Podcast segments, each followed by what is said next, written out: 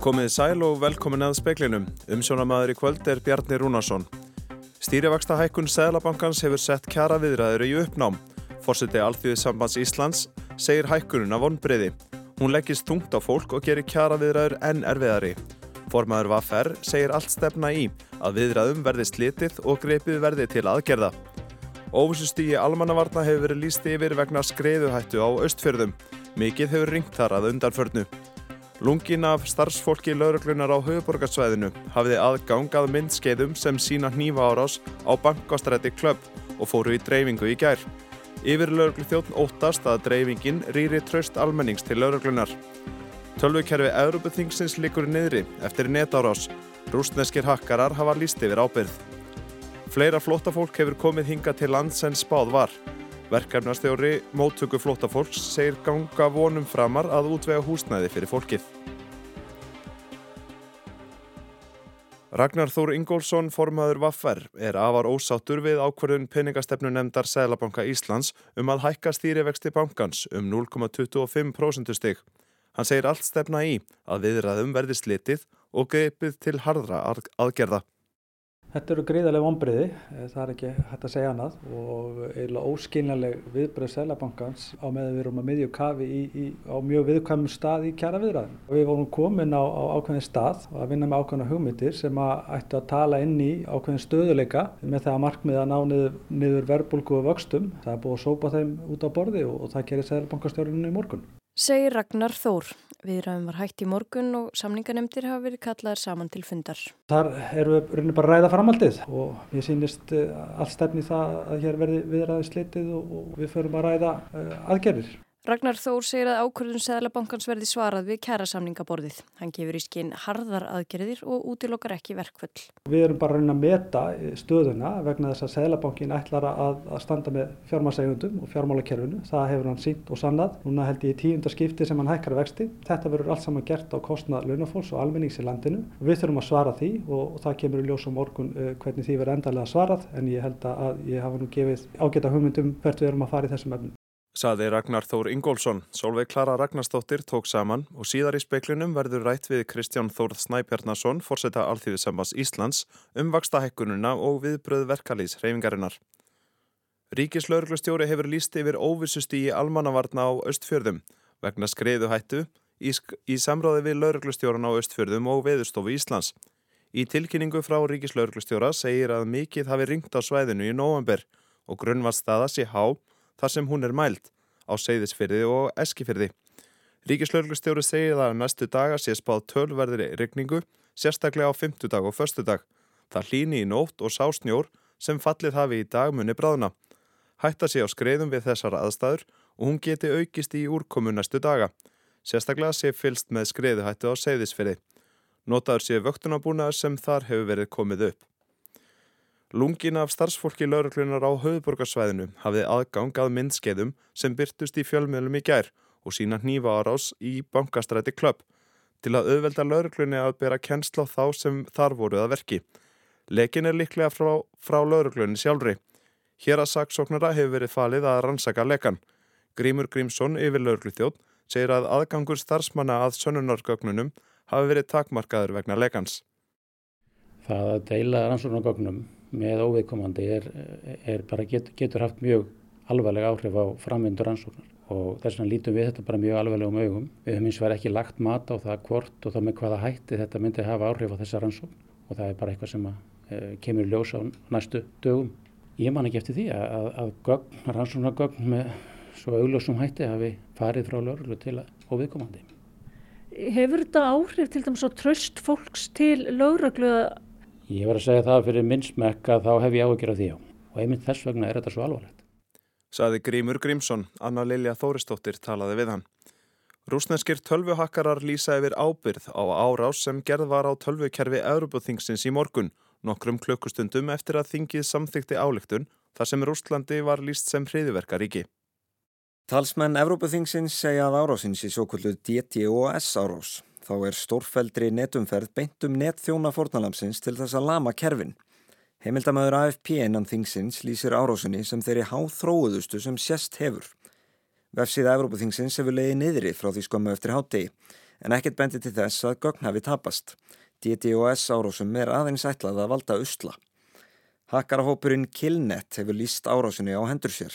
Hann er hliðhóllur rúsum og hefur staðið fyrir fjölda netárásu á stopnarnir víða um Vesturlund. Bandaríkja Þing, Tekneska ríkið og Eurovision söngvaketnin hafa áður orðið fyrir barðinu og hópnum. Netárásin var gerð rétt eftir að þingmenn á Evrópuþinginu samþyktu álygtun þar sem rúsnesk stjórnvöld voru sögð stiðja við hriðuverkastarðsemi. Alexander Kristjánsson saði frá. Fórsættisræðfara segir að skoðað verði hvort hefja eigi rannsókn á meintu kynferðisofbeldi skeggja Áspjarnarssonar sem var kennari í laugarneskóla í Reykjavík gegn drengjum í Bekkans. Hún bóðar nýja og einfaldari leið við greiðslu sangirnisbóta. Skeggja Áspjarnarsson var kennari við laugarneskóla frá 1943 til 1977 og einni þekktu fyrir að sjá um barnatíma ríkisútarsins. Í bók Bjargar Guðrunar Gísladóttur, hljóðin í nóttinni sem kom út fyrir átta árum, kom fram að skeggja hefði misnóta drengi sem hann kendi og beitt stúlkur á beldi. Þorstein Jóð Viljánsson fjölmjölamæður kafað ofan í málið og gerði útvarstáttaröð sem flutt var á rúf þar sem hann rætti við fjölda fyrfirandi nefnda skeggja, samstarfsmenn og fleiri en þar greinir fjöldi karlmanna frá brotum gegn sér þegar þeir voru barnungir nefnendur skeggja. Ekki verður annar ráðið af þáttunum en að stjórnendum löganesskóla sem þá var á forræði ríkisins hafi ítrekka verið gerð grein fyrir framferði skeggja án þess að nokkuð væri aðhafst. Katrín Jakobsdóttir forsættisráð þar að segja ekkert erindi hefur borist til sín frá þólendum eða öðrum um að máli verið rannsakað, máli sé sláandi og hún búist við að stjórnvöld muni ræða það á næstu dögum. Ég útiloka það ekki og eins og ég segi þó að mér hafi ekki borist erindi þá kann að vera einhverjum öðrum hafi borist erindi um þessi mál þannig að það verður líka skoða núna á næstu dögum. Saði Katrín Jakobsdóttir, Haugur Holm saði frá. Fleira flóttafólk hefur komið hinga til lands það sem af er ári en spár gerður aðfyrir. Flestir koma frá Úkrænu og aðgerastjóri segir að nokkuð vel gangi að finna húsnæði. Það sem af er ári hafa 2084 flóttamenn komið hinga til lands frá Úkrænu. Heildarfjöldi þeirra sem hafa komið hingað í leitað vernd á árinu er 3717. Gilvi Þór Þorsteinsson, aðgerðastjóri vegna móttöku flóttafólk, segir að upphaflega hafi verið búist við um 1500 manns, 2000 að hámarki frá Úkrænu. Nú séum við komin yfir það mark og útlitir fyrir enn fleiri. Gilvi segir það þó að hafa gengið vonum framar að finna húsnæði fyrir fólkið. Það er engin húsnæðislaus í rauninni af þeim sem að hingað hafa komið af þessum 3700. Hann segir að vissulega hafi ekki allt gengið sem skildi vegna þessar miklu fjölgunar á skömmum tíma. Allt hafi þó gengið upp að lokum og eftir að Reykjavíkuborg samt yfir ríkið um samræmda móttöku flóttafólk séu vonir til þess að það gangi enn betur. Gilvi segir húsnæði til staðar, það þurfi bara að finna það og standsetja. Hann bendir þó á að fólk sem hinga komi í leita vernd sé aðeins í húsnæði og vegum hins opimbera í átta vikur eftir að það færi vernd. Eftir það er fólk á eigin vegum eða upp á sveitarfélögin komin. Mér sýnist nú að flestir séu bara á eigin vegum og útvið sér húsnæði sjálfur. Allavega svona flestir af þeim sem hafa verið að koma frá Úkrænu. Gilvi tekur fram að verð á leigumarkaði sé hátt hér á landi og ekki um sérlega auðu en garda gresja á höfuborgarsvæðinu. Fólk hafi sest að víða út á landi og það hafi gengið vel. Fólkinu hefur gengið bara mjög vel að fá vinnu líka, þannig að hérna hingað er gott að koma. Saði Gilvi Þór Þorstensson, Gunnhildur Kjærólf Byrkistóttir talaði við hann. Aðgengi fyrir fatlað fólk er slæmt að 166 af 168 strætóbyðstöðum á, á landinu. Formaður ÖPI segir að þetta sé verra en nokkur hefði grunnað. Þurriður Harpa Sigurðardóttir, formaður ÖPI réttindasamtaka, segir að niðurstöðunar drægi upp dökka mynd. Í skýslunni kemur fram að af öllum 168 stöðvunum voru 66 nótafar fyrir hjólastólanótendur, 67 fyrir göngu, arma og handskert fólk, 139 fyrir fólk með þroskahömlun en aðeins 7 fyrir blind og sjónskert fólk. Víða þá eru bara byggstofnir ekkit annan veginn og það eru átján byggstofar þar sem að enginn föllunahópur getur notaðir. En voru þið viðbúin þessum niðurstöðum? Enga megin og, og hérna þetta hlýtur að setja þetta strikið reikningin því að samkvæmt áallinu stjórnvalda að þá áttu eiga 90% af byggðstöðunum að vera orðin aðgengilegar árið 2024 og ég veit ekki alveg hvernig að, að það á að gerast þegar að meira 90% af byggðstöðunum eru algjörlega óaðgengilegar. Höfuðborgarsvæðið kemur betur út en landsbyðin þar sem allar byðstöðvar eru með mjög slæmt aðgengi og yfirborð. En það, ef við ætlum að taka eitthvað jákvæmt út úr þessu, þá er það bara mjög gott að þessi niðurstað komið fram. Þannig að nú hafa stjórnvöld þetta alveg sarkapítu, þessu alvarleg staðan er og þá verður þau að taka þetta alvarlega og byrja þegar að vita hvernig, hvað verkefnið er bring. Saði Þurriður Harpa Sigurðardóttir, Amanda Guðrún Bjarnadóttir tók saman. Kristján Þórður Svein Bjarnarsson, fórseti Alþýðusambands Íslands, segir hækkun stýrivaksta í morgun mikil vonbreyði. Hækkunin leggist þingst á þá sem síst megi við því. Hún gerir kjaraviðræður erfiðari en þar getur launa fólk sótt rétt sinn. Það er fólkið sem að þarf að bregðast við og greiða herrivexti á samt öðrum auknum útgjöldum og já, það er þá sá staðir sem við getum sótt uh, einhverja betrum bót. Sæðlabankin hækkaði stýrivexti í morgun um 0,25% stík, megin vextinir eru orðnir 6% og þetta var tíunda vakstahækkun bankans í röð. Í yfirlýsingu peningastefnunemdar kemur fram að verðbolga jógst aftur í síðasta mánuði og mæltist 9,4%. Þar býst peningastefnu nefndinu við hún haldi sig þar sem eftir er árs en hjaðni svo og verði orðin 4,5% í lok næsta árs. Klikt er út með í yfirlýsingunni að ákvarðanir í atvinnulífi, á vinnumarkaði og í ríkis fjármálum skipti miklum þróun vaksta á næstu misserum. Á fundi þar sem vakstahækkunin var kynnt kom fram að Ísland er ekki slítið úr samhengi við alþjóðlegar efnagshorfur, hagvakstarhorfur í helstu viðskiptalöndum hefðu versnað og spáð væri minnsta hagvest í þeim frá árinu 2008 að undanskildu 2020 þegar áhrifa COVID gætti hvað mest. Ekki sjáu fyrir endan á orkukreppi Evrópu, stríði í Úkrænu hafi valdið miklu umróti og framundan sé mikil óvissa. Þegar síðasta hækkun stýrivaksta var kynnt í byrjun oktober sagðist Ásker Jónsson, Sæðlabankastjóri, vonað hún yrði svo síðasta í byli eða þessu ferli eins og hann orðaði það, en það gekk ekki eftir. Þetta er að ganga hægar heldur en við höfum vonað og, hérna, og við viljum líka sjá, gengið hefur aðeins vext sem stafar af vantilega vistu halla. Þannig að þetta verkefni er bara erfiðara heldur en við höfum gert ráð fyrir sagði Sælabankastjóri í hátægisfrettum í dag. Hann vildi ekki skemma jólahaldið hjá fólki en vonaði að færa að hæja á. Enganislan væri meiri en ráð var gert fyrir, kjara viðræður væru farnar af stað og á kynningafundi í bankanum í morgun sagðan að vinnumarkaðinu þýrt að geta treyst því að verðbólgan held ekki áfram og að ekki þýrt að hækka launin til að bæta upp fyrir verðbólguna.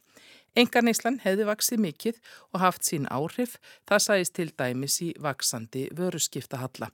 Fólk ætti uppsafnaðan sparnað frá árum faraldursins og eitti honum nú og var ennvísað til ferða Íslendinga til Tenerife sem kostuðu gjalderi. Söðlabankin væri sjálfstæður og tilbúin að gera sitt til að halda aftur á verðbolgu og það gæti vel gerst að hækka þyrti vexti meira en þó ekki nema nöðsin bæri til. Vextir væru mun lægri en verðbolgan nú en það væri sameinlegt markmið, bankans og vinnumarkaðarins að halda henni niðri og viðhalda kaupmætti. Eins og áðursæði var vísa til þess að ákvarðanir á vinnumarkaði hefðu áhrif á vakstaþróun en hver eru viðbröð Kristjáns Þórðar Snæbjörnarssonar fórseta Alþjóðsambands Íslands við stýrivaksta hækkunni. Þetta er mikil vonbreyði við því að þessi verið að grípa til þess að hækka stýrivexti enn frekar. Þetta er nú er þetta hvað tíunda hækkunni rauð það sem er verið að, að hækka stýrivexti tölvört mikið og, og við erum komin á tölvört verri stað heldur en við vorum fyrir síðustu kjársamlinga til, til að mynda. Eh, þetta er auðvitað að leggjast alveg gríðilega þungt á okkar fólk eh, og bæði varandi fastegna markaðin og þá stöðu sem þar er. Þannig að þetta auðvitað er alls ekki svo staða sem að maður hefði viljað sjá uppi núna. Við hefðum viljað sjá að, að við værum, þessi stýrafasta hækkunum væri að linna, að það væri komin á toppin. Við höfum svo sem líst í yfir að við teldum að, að tilefni væri ekki til þess að hækka stýrafesti jafn mikið og raunber vitni og, og já, það eru þetta bara svona staðan. Sæðlabankstjóri vísta til þess að hann geta aldrei lofaði að hækka ekki stýrivexti út af kjærasamningum. Ég held að það að fá þessa hækku núna þessum tímanpunti geti gert uh, viðræðnar ennþá erfiðari og ennþá floknari. Sökuð eins að, að hérna, vandamáli er bara að vaksa fyrir framann andlita okkur og, og það eru þetta það sem við, blasir við okkur eins og staðin er akkurat núna.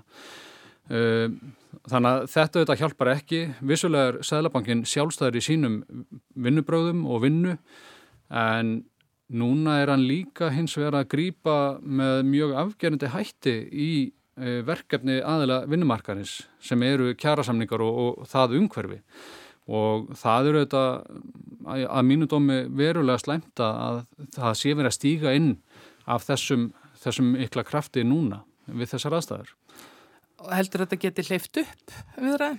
Þetta getur hæglega gert það. Gert verkefni þannig að, að já, far, verði lengra á milli aðila. Þetta vona maður að svo verði ekki. Þetta eru þetta bara mjög viðkvæm staða sem er núna að vera að reyna að klára að ná samningum. Það eru ný runir úr gildi Og, og hérna ég veit að aðilar hafa setið bara við núna undarhörna daga til þess að reyna að ná að klára að loka þessum kjærasamningum. Stjættafélagin sitja anspæni samtökum atunlífsins við samningaborðið. Er eðlilegt að aðgerðir, já þriðja aðila, Sæðlabankans, hafi svona mikil áhrif inn í þær viðræður? Já, auðvitað er það sko verkefni núna eru þetta annars vegar að, að fólk er að berjast við vissulega, það er mikil og há verðbólka sem við erum að glíma við núna vegna ytri þáttæði samfélaginu. Það er verið að flytja inn verðbólku elendis frá, það er verið að hækka gjaldskrár ríkis og sveitafélaga til þess að mæta verðbólku liðin, liðins tíma og, og það blasir við um áramotinn þannig að höggið fyrir heimilinn er alveg gríðarlega mikið og þar á leðandi tengist þessi staða sjálfsögð inn í kjara viðræður. Það sem er verið að ræða við samningaborðið, það þetta verið að vinna að því að, að bæta stöðu launafólks og heimilega landinu og þannig að fólk nái endum saman. Og Kristján Þóru segir að þó svo að einhverju hafi safnaspartnaði komi vakstahækkanir verst við þá sem minnst hafa. Vissulega getur staðan verið þannig að það eru fólk sem hefur bara nóg á handana Síðan eru við líka með stóra hópa sem eru bara að berjast í bökkum, sem eru við í erfiðri stöðu og það er sáhópur sem finnur hvað mest fyrir þessum vaksta hækkunum. Á meðan að fjármakseigundur sem að, uh, eru þeir sem að hafa meira melli handana og, og mikið melli handana, að þeir í raun og veru, hvað gerir þetta hjá þeim? Þetta í raun og veru bætir stöðu ofta tíðum frekar heldur en hitt. Hlutverk verkalýsreifingarna hljóti að vera að horfa til þeirra sem berjast í bökkum og fyrir þá þurfum við að grípa til aðgerða og stjórnvöld þurfum að koma þar inn með afgerandi hætti og gera það á komandi vikum. Formaði Vaffer hefur sagt að stýrivaksta hækkunin geti orðið til þess að viðræðum verði slitið í aðaðbóðun verkvalla. Kristján Þorður segir að viðbröð samlingsaðila komi ljós á næstu dögum en gæti það þýtt verkvallsbóðun. Eh, það getur auðvitað þýtt ef að samningsaðilar ná ekki saman að þá er það næsta skref í þessu ferli er auðvitað að móta eh, einhverja línu eða einhverja pressu á viðsíðamenda til þess að ná samningum. Hvort að það séu verkvöld veit ég ekki en aðilar þurfu auðvitað bara vega og meta það á hverjum tíanpunti fyrir sig og, og þá ákveða hvað hvað skal gera til þess að ná samningum. En auðvitað gleymum því ekki að verkvöldin eru alltaf eh, neyðar úræði verkaleysfélagana og verka fólks til þess að ná kjara samningum fyrir sig. Saði Kristján Þórður Snæbjarnarsson, Anna Kristín Jónsdóttir talaði við hann.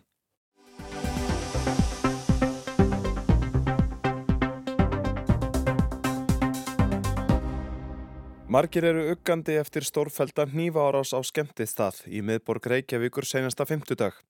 Árásinn hefur haft eftirmála þar sem sprengjum var til að mynda kastað af heimilum aðstandanda sagbortninga í Reykjavík í nótt.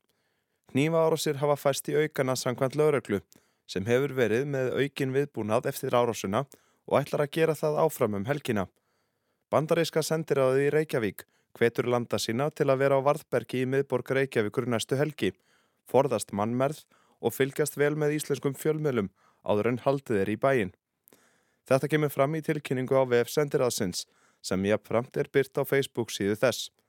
Tilefni varnar orðana er orðrómur um yfirvofandi hemdar árás í miðborg Reykjavíkur næstu helgi sem svar við nýváras í bankastræti síðustu viku.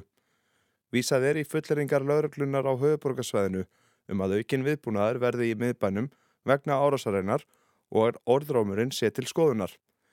Eigendur skemmtistaða í Reykjavík segja það tilviljun að árásun hafi orðið á þessum stað. Hún hafiði geta orðið hvar og hvena sem er.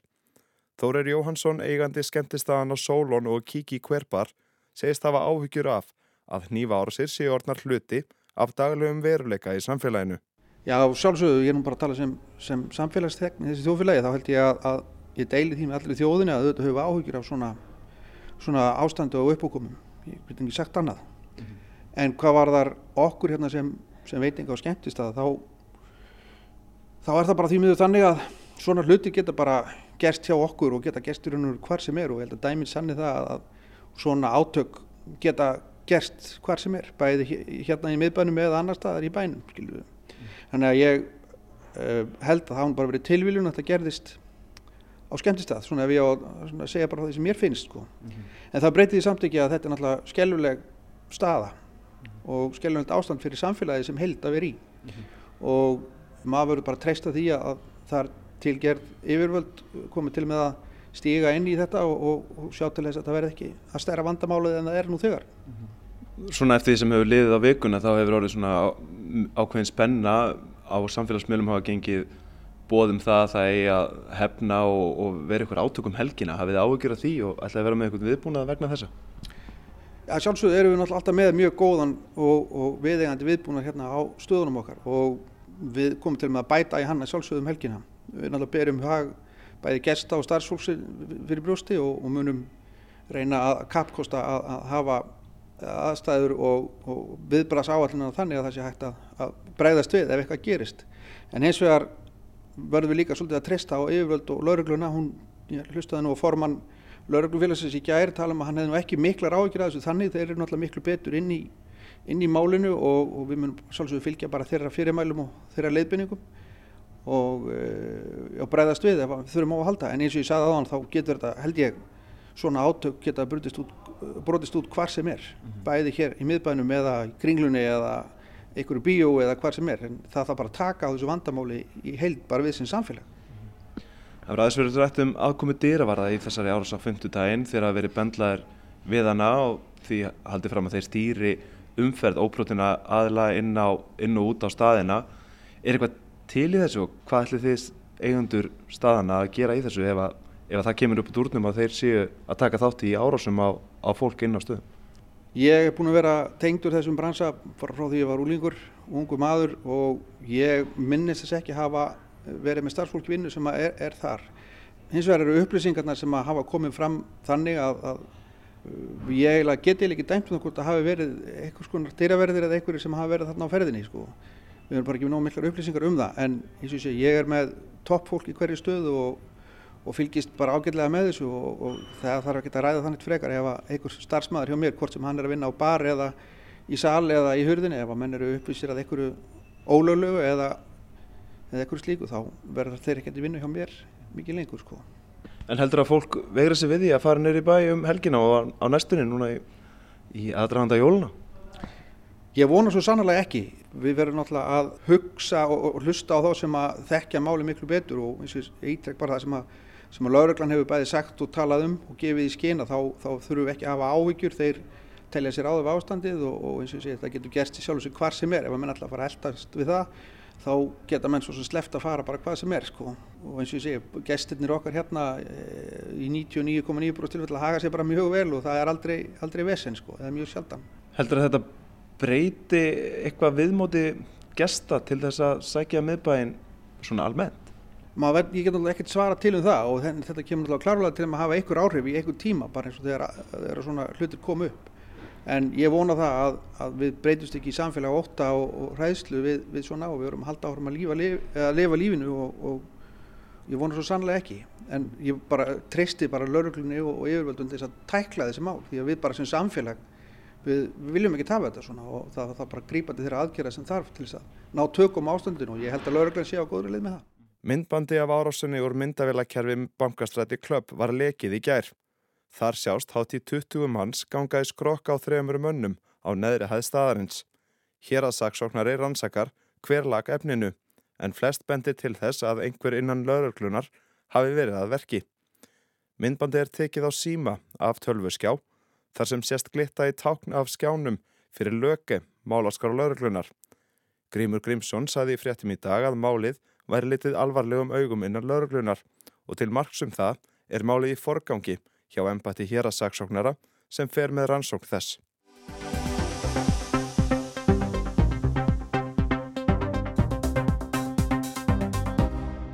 Mette Fredriksson, starfandi fórsættisráð þeirra í Danmörku og leðtói í jafnaðarbannaflokksins, vonast til þess að geta mynda nýja ríkistjórn á næstu vikum. Á frettamannafundi sem hún kjælti í fórsættisráðuneytinu í dag kom fram að frá þingkostningunum 1. november hefði hún haldið 49 fundi með leðtóum annara flokka á samt þingmönnum færi á Grænlands til að kanna um hvaða málefni þeir getu orðið sammóla og hvar væri þörfa á málamiðlunum. Eftir þessa þryggja vekna fundarlótu segir Mette Fredriksen að fjórir flokkar séu ekki lengur inn í myndinni. Það eru einingarlistin, valkosturinn eða alternativet, nýje borgarlegi og loks Danmerkurdemokrater Ingrid Stóiberg sem tilkynntu sjálfur í morgun að þeir ætluðu ekki að taka þátt í frekari viðræðum. Eftir þessa fundarlótu segir Mette Fredriksen að stjórnarmyndunar viðræðurnar séu komnar á nýtt stig. Hún hyggst á næstu vikum reyna að mynda svo kallaða breyðastjórn, það er með þáttöku flokka til vinstri, á miðju og til hægri. Og uh, það er ekki eftir neinu að býða, sagði fórsættisráð þeirra á frettamannafundinum. Hún hvaðst ætla að hefja viðræðurnar með stærsta borgarafloknum, venstre, og hefði bóðað forsvarsmenn hans til fundar í fórsættisráðunetinu klukkan halv þrjú í dag að staðartíma. Jeg synes, det er naturligt, at vi starter med det største borgerlige parti, og det er Venstre. Og derfor vil realitetsforhandlingerne med Venstre starte allerede i dag kl. 14.30 i statsministeriet. Aðrir flokkar sem Mette Fredriksen hyggst ræða við á næstu vikum eru móti raterni, það er flokkur Lars Lökke Rasmussens fyrirverandi fórsættisráþara, Róttæki vinstriflokkurinn, Bandalag frjálslindra, Íhaldsflokkurinn, Sósialíski þjóðarflokkurinn og Danski þjóðarflokkurinn. Hún segir ómögulegt að segja til um hvort hægt verði að ná samkómulagi um öll þau umfangsmiklu mál sem brenna á dönum um þessar mundir en upphafið er gott, segir hún. Om við det, det ved við ekki nú, menn útgangspunktið er gott. Mette bætti við að öllum mætti ljóst vera að flokkarnir þyrtu að gera margar mála miðlanir til að ná samkómulagi eða lokum. Leittóa startu hægri flokkana lístuð því yfir í kostningabaráttunni og eftir að úrslitin lágu fyrir að þeir væri andvíir því að ganga til samstarfs við vinstri flokkana. Jakob Ellemann Jensen, formaður venstri, sagði þó þegar hann kom til fundar við Mette Fredriksen síðdegis að það lægi ljóst fyrir að hún erði áfram forsættisráð þeirra. Nýðurstaða þingkostningana væri svo að rauðgræna blokkin hefði fengið meiri hluta. Fredriksen bliver statsminister. Altså valget det har været afholdt. Øh, og valgets tale, den var, den var klar. Der er et rødt flertal, Mette Frederiksen bliver statsminister. Eftir kostningarnar þegar Mette Frederiksen saðist eh, vilja mynda breyða ríkistjórn lísti Mæi Viladsen, formaður einingarlistans því yfir að ekki kemur til greina að hún tæki þátt í stjórnarsamstarfi þar sem venstre eftir hlutað máli. Viladsen sagði þegar hún kom að fundi með Mette í morgun að forsættisráð þeirra hefðið ákveðið að snúa baki við rauðgræna meiri hlutanum sem þó hefði fengið meiri hluta atkvæða í kostningunum. Derfor siger hun jo også farvel, må man bare sige, til de resultater, vi igennem de sidste rigtig mange år har opnået i fællesskab. Hún hveður okkur þrátt fyrir allan þann árangur sem við höfum náð á liðnum árum, sagði Mæi Viladsen og bætti við Við blasir miklu hægri sinnaðri Mette Fredriksen sem hefur valið venstre í staðin fyrir öllu fátaku börnin sem svo mjög þarfnast hjálpar á erfiðum tímum. Vi ser nu en ny, meget mere højredrejet Mette Frederiksen, som jo nu har valgt venstre i stedet for de mange fattige børn, som lige nu har akut behov for hjælp i en meget presset tid. Franziska Rosenkille, formaður Alternatívit eða valkostsins, lísti einni yfir vonbyrðum með þá stefnu sem stjórnarmyndunar viðræðurnar hafa tekið. Danskir fjölmilar hafa eftir henni að hún hafi verið á samningafundi í gær og átta sig á því hvað var í aðsigi. Því hefði hún ákveðið að láta gott heita. Ásker Tómasson saði frá. Lítum að lokum til veðus. Gul viðvörun tekur gildi á morgun á Suðausturlandi og miðhálendinu vegna norðaustan storms. Hvassast verður við Örafajökul 15 til 25 metrar á sekundu og hviður geta náð yfir 30 metra á sekundu þar. Annars er spáð norðaustan 10 til 18 en 18 til 25 metrum á sekundu í vindstrengjum á sunnanverðu landinu í fyrstu en dregur síðan úr vindi. Jél eða skúrið austan og norðanlands og regningum tíma sunnanlands en þurft suð vestan til. Hiti yfirleitt 0 til 5 stygg. Fleira er ekki í speiklunum í kvöld. Tæknimaður var Magnús Þorstedt Magnússon. Frett átsendingu stjórnaði valgerður Þorsteinsdóttir. Njóti kvöldsins og verðið sæl.